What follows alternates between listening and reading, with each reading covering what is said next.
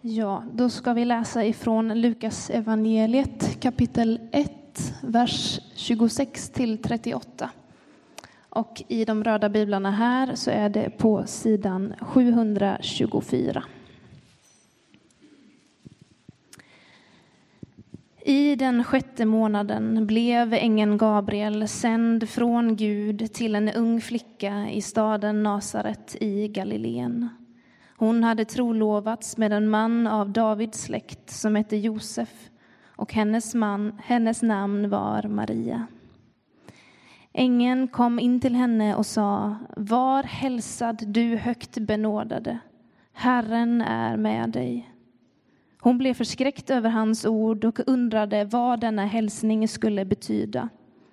Då sa ängeln till henne, var inte rädd Maria, du har funnit nåd hos Gud. Du ska bli havande och föda en son och du ska ge honom namnet Jesus. Han ska bli stor och kallas den högstes son. Herren Gud skall själv ge honom hans fader Davids tron och han skall härska över Jakobs hus för evigt och hans välde skall aldrig ta slut. Maria sa till ängeln, hur ska detta ske? Jag har ju aldrig haft någon man. Men ängeln svarade henne, helig ande ska komma över dig och den Högstes kraft ska vila över dig. Därför ska barnet kallas heligt och Guds son. Elisabet, din släkting, väntar också en son nu på sin ålderdom. Hon som sades vara ofruktsam är nu i sjätte månaden. Ty ingenting är omöjligt för Gud. Maria sa, jag är Herrens tjänarinna. Må det ske med mig som du har sagt. Och ängeln lämnade henne. Så lyder det heliga evangeliet. Lovad vare du, Kristus.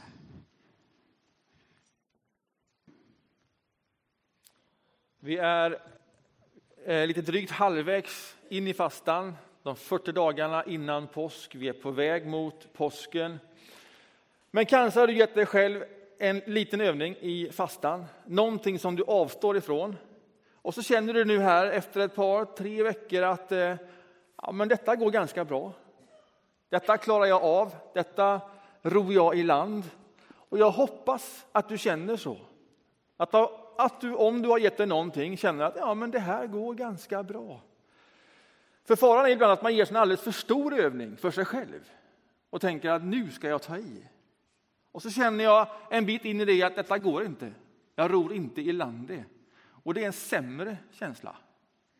Så njut av detta, att det går bra. Att du är på rätt spår, att du är på rätt väg. Om det nu är så du känner det. Och om det är så du känner det, så kommer den här söndagens tema och hälsning mitt in i det. Därför att fastan har inte ett eget syfte, ett eget mål i sig. Utan fastan, att vi avstår från någonting innan påsk, det är bara ett medel som tjänar något större. Det är bara ett sätt att ge utrymme för Gud mer. Jag har inget annat syfte än det. Och då kommer den här hälsningen in. Nu när vi känner kanske att ja, men nu går det ganska bra. Jag håller liv i det jag sagt till mig själv. Då kommer detta temat om Guds mäktiga verk. Nu är det dags att lyfta blicken mitt i fastan och få fatt i vad det verkligen handlar om. Varför vi fastar. Och det som för in den här tematiken och den bibeltexten som vi har läst just den här söndagen, det är att vi befinner oss ungefär nio månader före jul.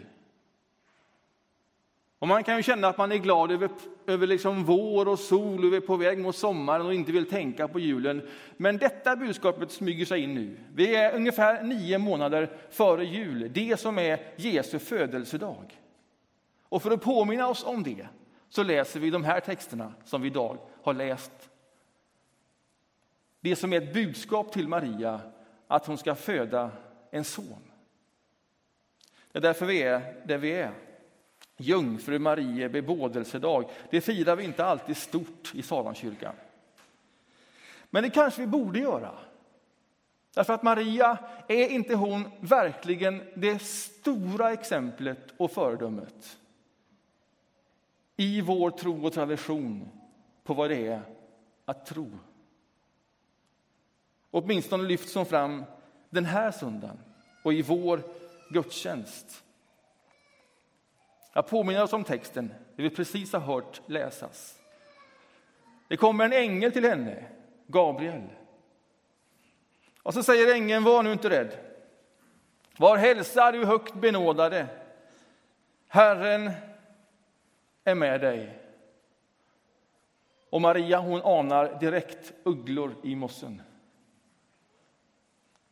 För vad är det hon säger?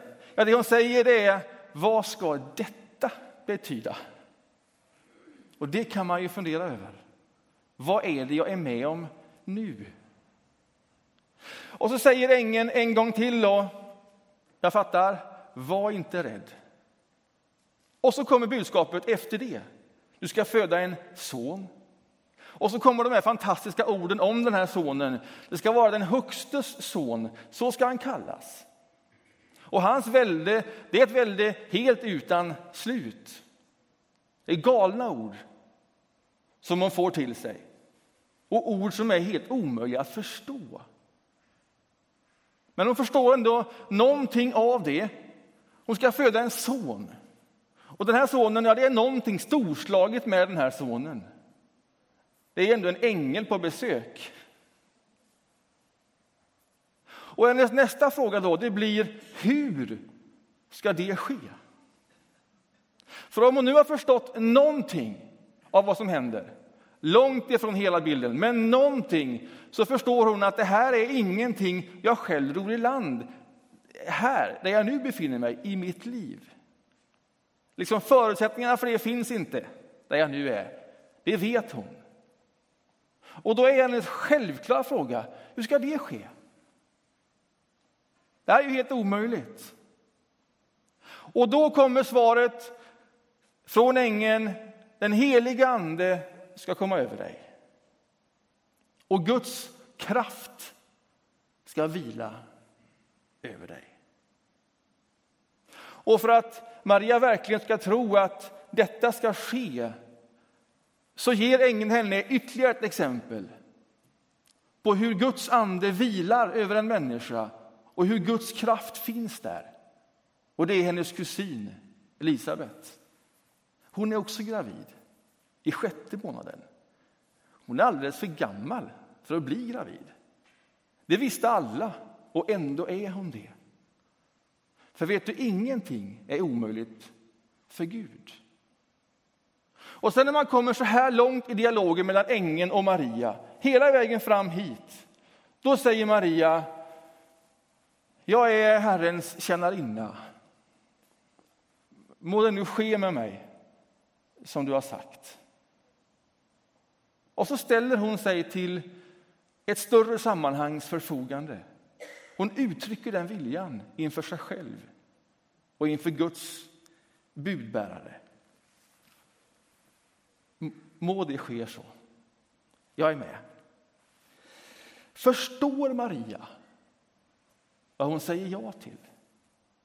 Förstår Maria vad det är för sorts budskap hon har fått?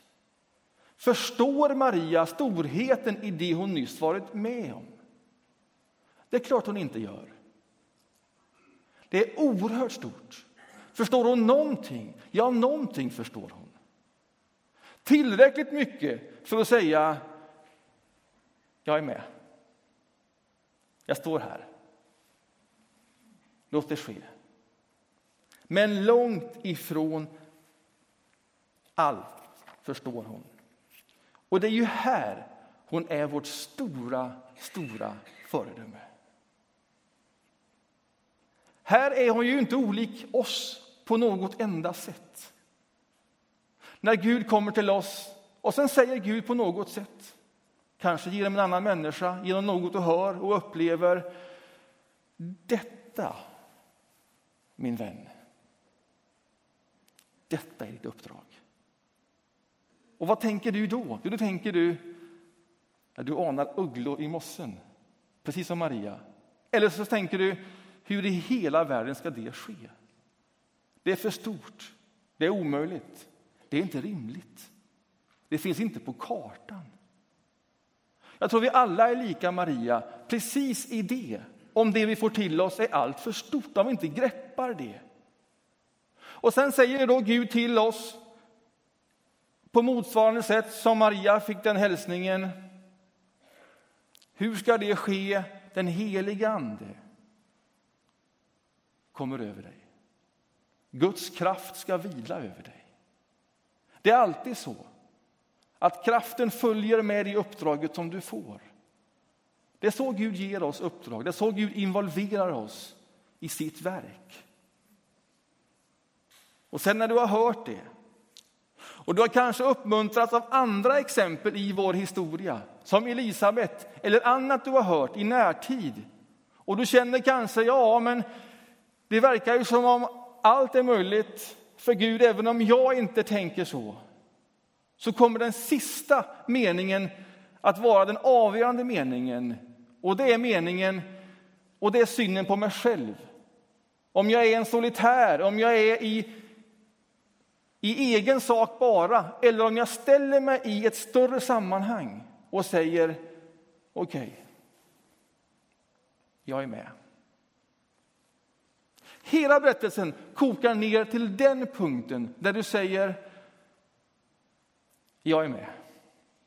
Låt det ske. Och du gör det trots att du inte förstår storheten av det du nyss varit med om. Det är ju där Maria lär oss vad det är att tro. Vad är det Maria inte förstår? Vad är det som var omöjligt för Maria att förstå? Ja, men inte skulle hon veta och kunna veta där och då att det barn som hon blir gravid med växer upp, det hon vårdar, det hon bråkar med som tonåring att det barnet sen skulle bli ett barn som samlar människor omkring sig, storslaget. Tänk, var får han alla ord ifrån, min lille son? Hon är förmodligen fortfarande en liten kille för Maria när han börjar undervisa. Och sen går de på bröllop tillsammans, hela familjen, och vinet tar slut. Och Maria har ju sett någonting nu, så hon frågar honom vad gör vi med vinet? Och han ordnar till det där. Så vattnet blir vin. Det är en mamma som frågar sin son. Och sen går det ett tag till. Och sen tas han till fånga. Och sen ser hon sin egen son dö. En förfärlig död på ett kors. Detta kunde hon inte föreställa sig. Och, och ännu mindre att han sen skulle uppstå. Och allt detta har Maria sett över sitt liv. Och när väl har sett det så kan hon tänka, tänk att jag fick vara med om detta. Att det var det jag sa ja till. Att det var det som blev mitt uppdrag. Det kunde hon omöjligt läsa ut i hälsningen han ska kallas den högstes son. Det är ju ganska vaga beskrivningar. Hans välde ska vara utan slut. Det finns många välden att associera till. Och så kan hon efter sitt liv se, tänk, tänk så storslaget. Och ändå är detta inte allt. Så här skriver Paulus i brevet till Kolossi. Församlingen i Kolossai heter den, Kolosserbrevet. Första kapitlet och från vers 15. Och här beskrivs den här sonen. Lyssna på de här orden. Han, Jesus, är den osynlige Gudens avbild. Den förstfödde i hela skapelsen. Ty i honom skapades allt i himmelen och allt på jorden. Synligt och osynligt troner och herravälden, härskare och makter. Allt är skapat genom honom och till honom. Han finns före allting och allting hålls samman i honom. Och han är huvudet för kroppen, för kyrkan. Han som är begynnelsen, förstfödd från de döda till att överallt vara den främste.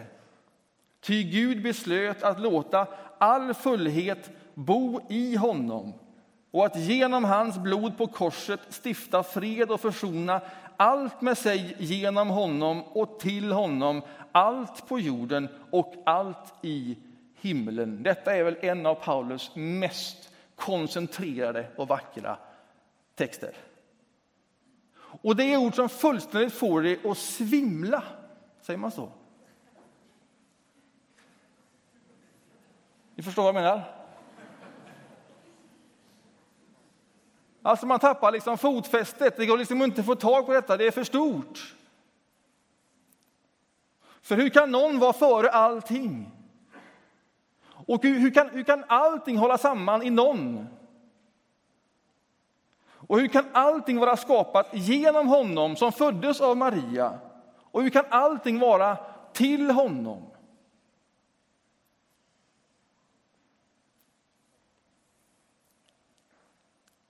Detta hade Maria inte en susning om. Trots allt hon var med och såg om denne son så var det ännu större. Det hon fick vara med om och bära i nio månader och sen leva med ett liv. Det var ännu större än det hon faktiskt upptäckte steg för steg. Det var detta hon fick bära. Hon fick bära Gud, Guds son, som var före allting. Hon fick bära honom genom vilken allting är till och genom allting igen ska bli till. Får vi ihop det här? Nej, men det får vi ju inte. Men lite kan man reflektera över detta. Tänk er att när hela skapelsen en gång blir till, då är han, sonen, där. Då är sonen del i den skapelsen. När fadern tänker någonting och uttalar det så finns sonen i det uttalandet, i det ordet. Han är där. Och när det ordet uttalas så finns det en skaparkraft i det ordet som är sonen så att hela skapelsen sen blir till. När fadern tänker någonting så säger han det. Det här är ett bildspråk för att förstå hur de samarbetar. Är ni med? Fadern tänker någonting, men man kan inte bara tänka fram någonting. Det uttalas och blir ett ord av det.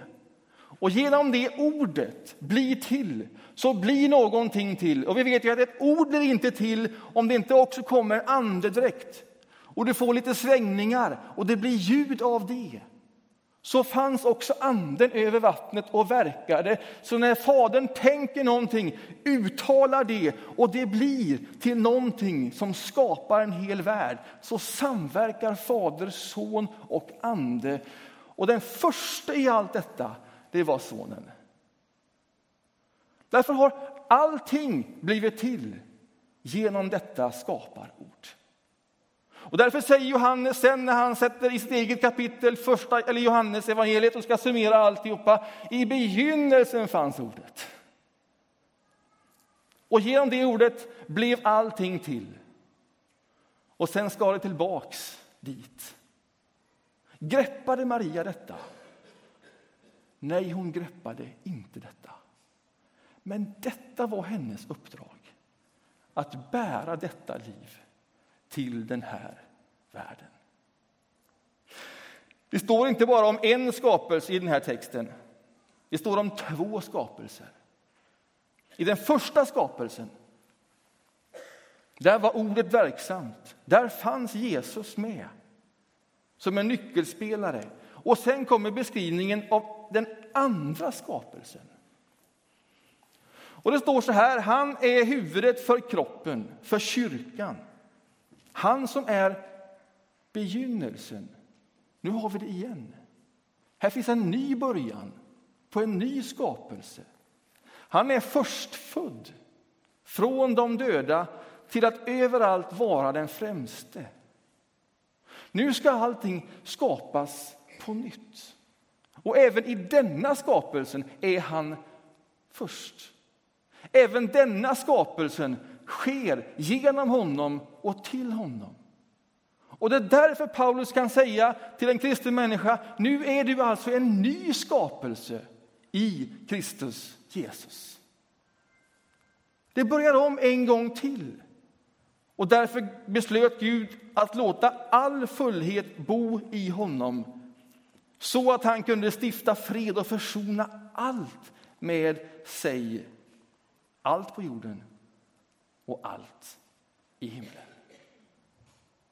Vi lever i den första skapelsen och vi lever i den andra skapelsen.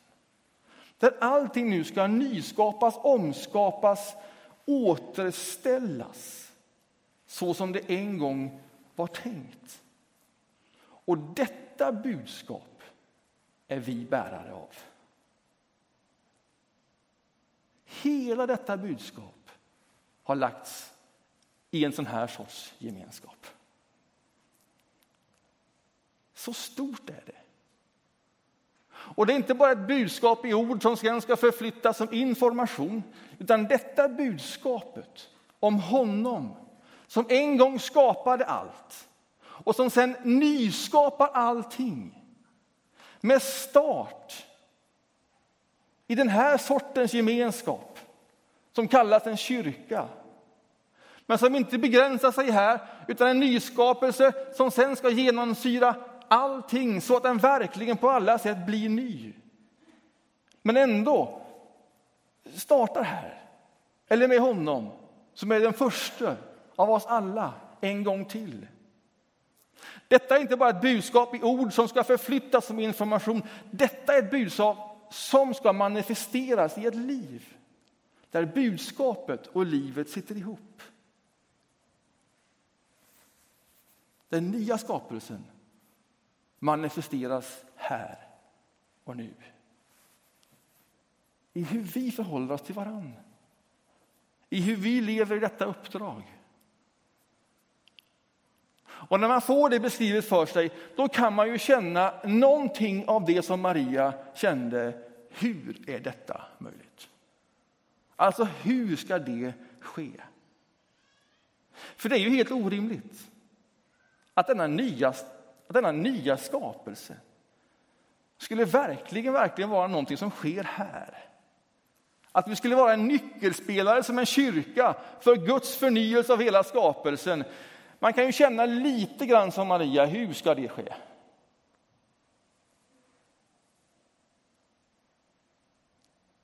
Och du vet svaret. Det är samma svar. Helig ande ska komma över dig. Och Guds kraft ska vila över dig. Det finns inget annat svar. Vi är inte här i egen kraft. Vi är inte här i egen sak.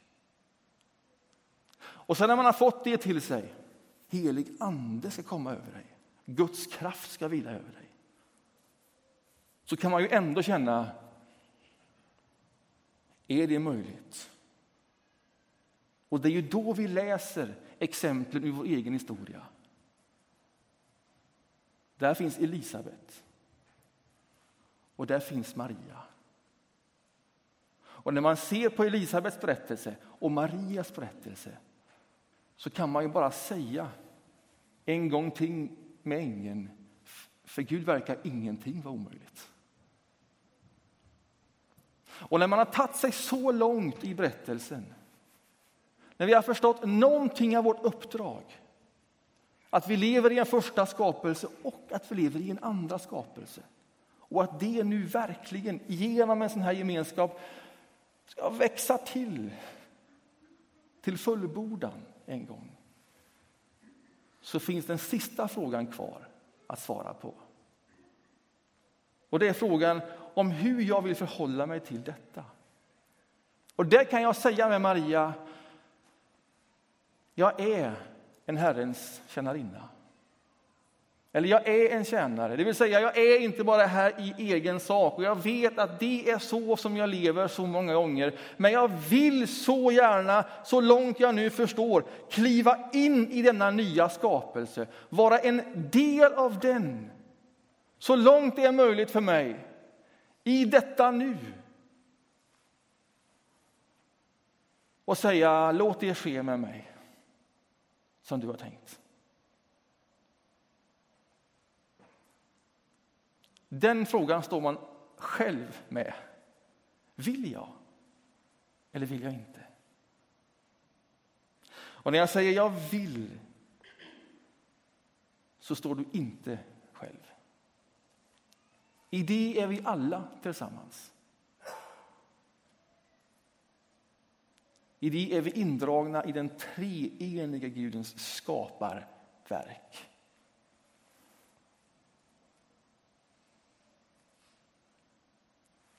Det är möjligt genom den helige Ande och genom Guds kraft.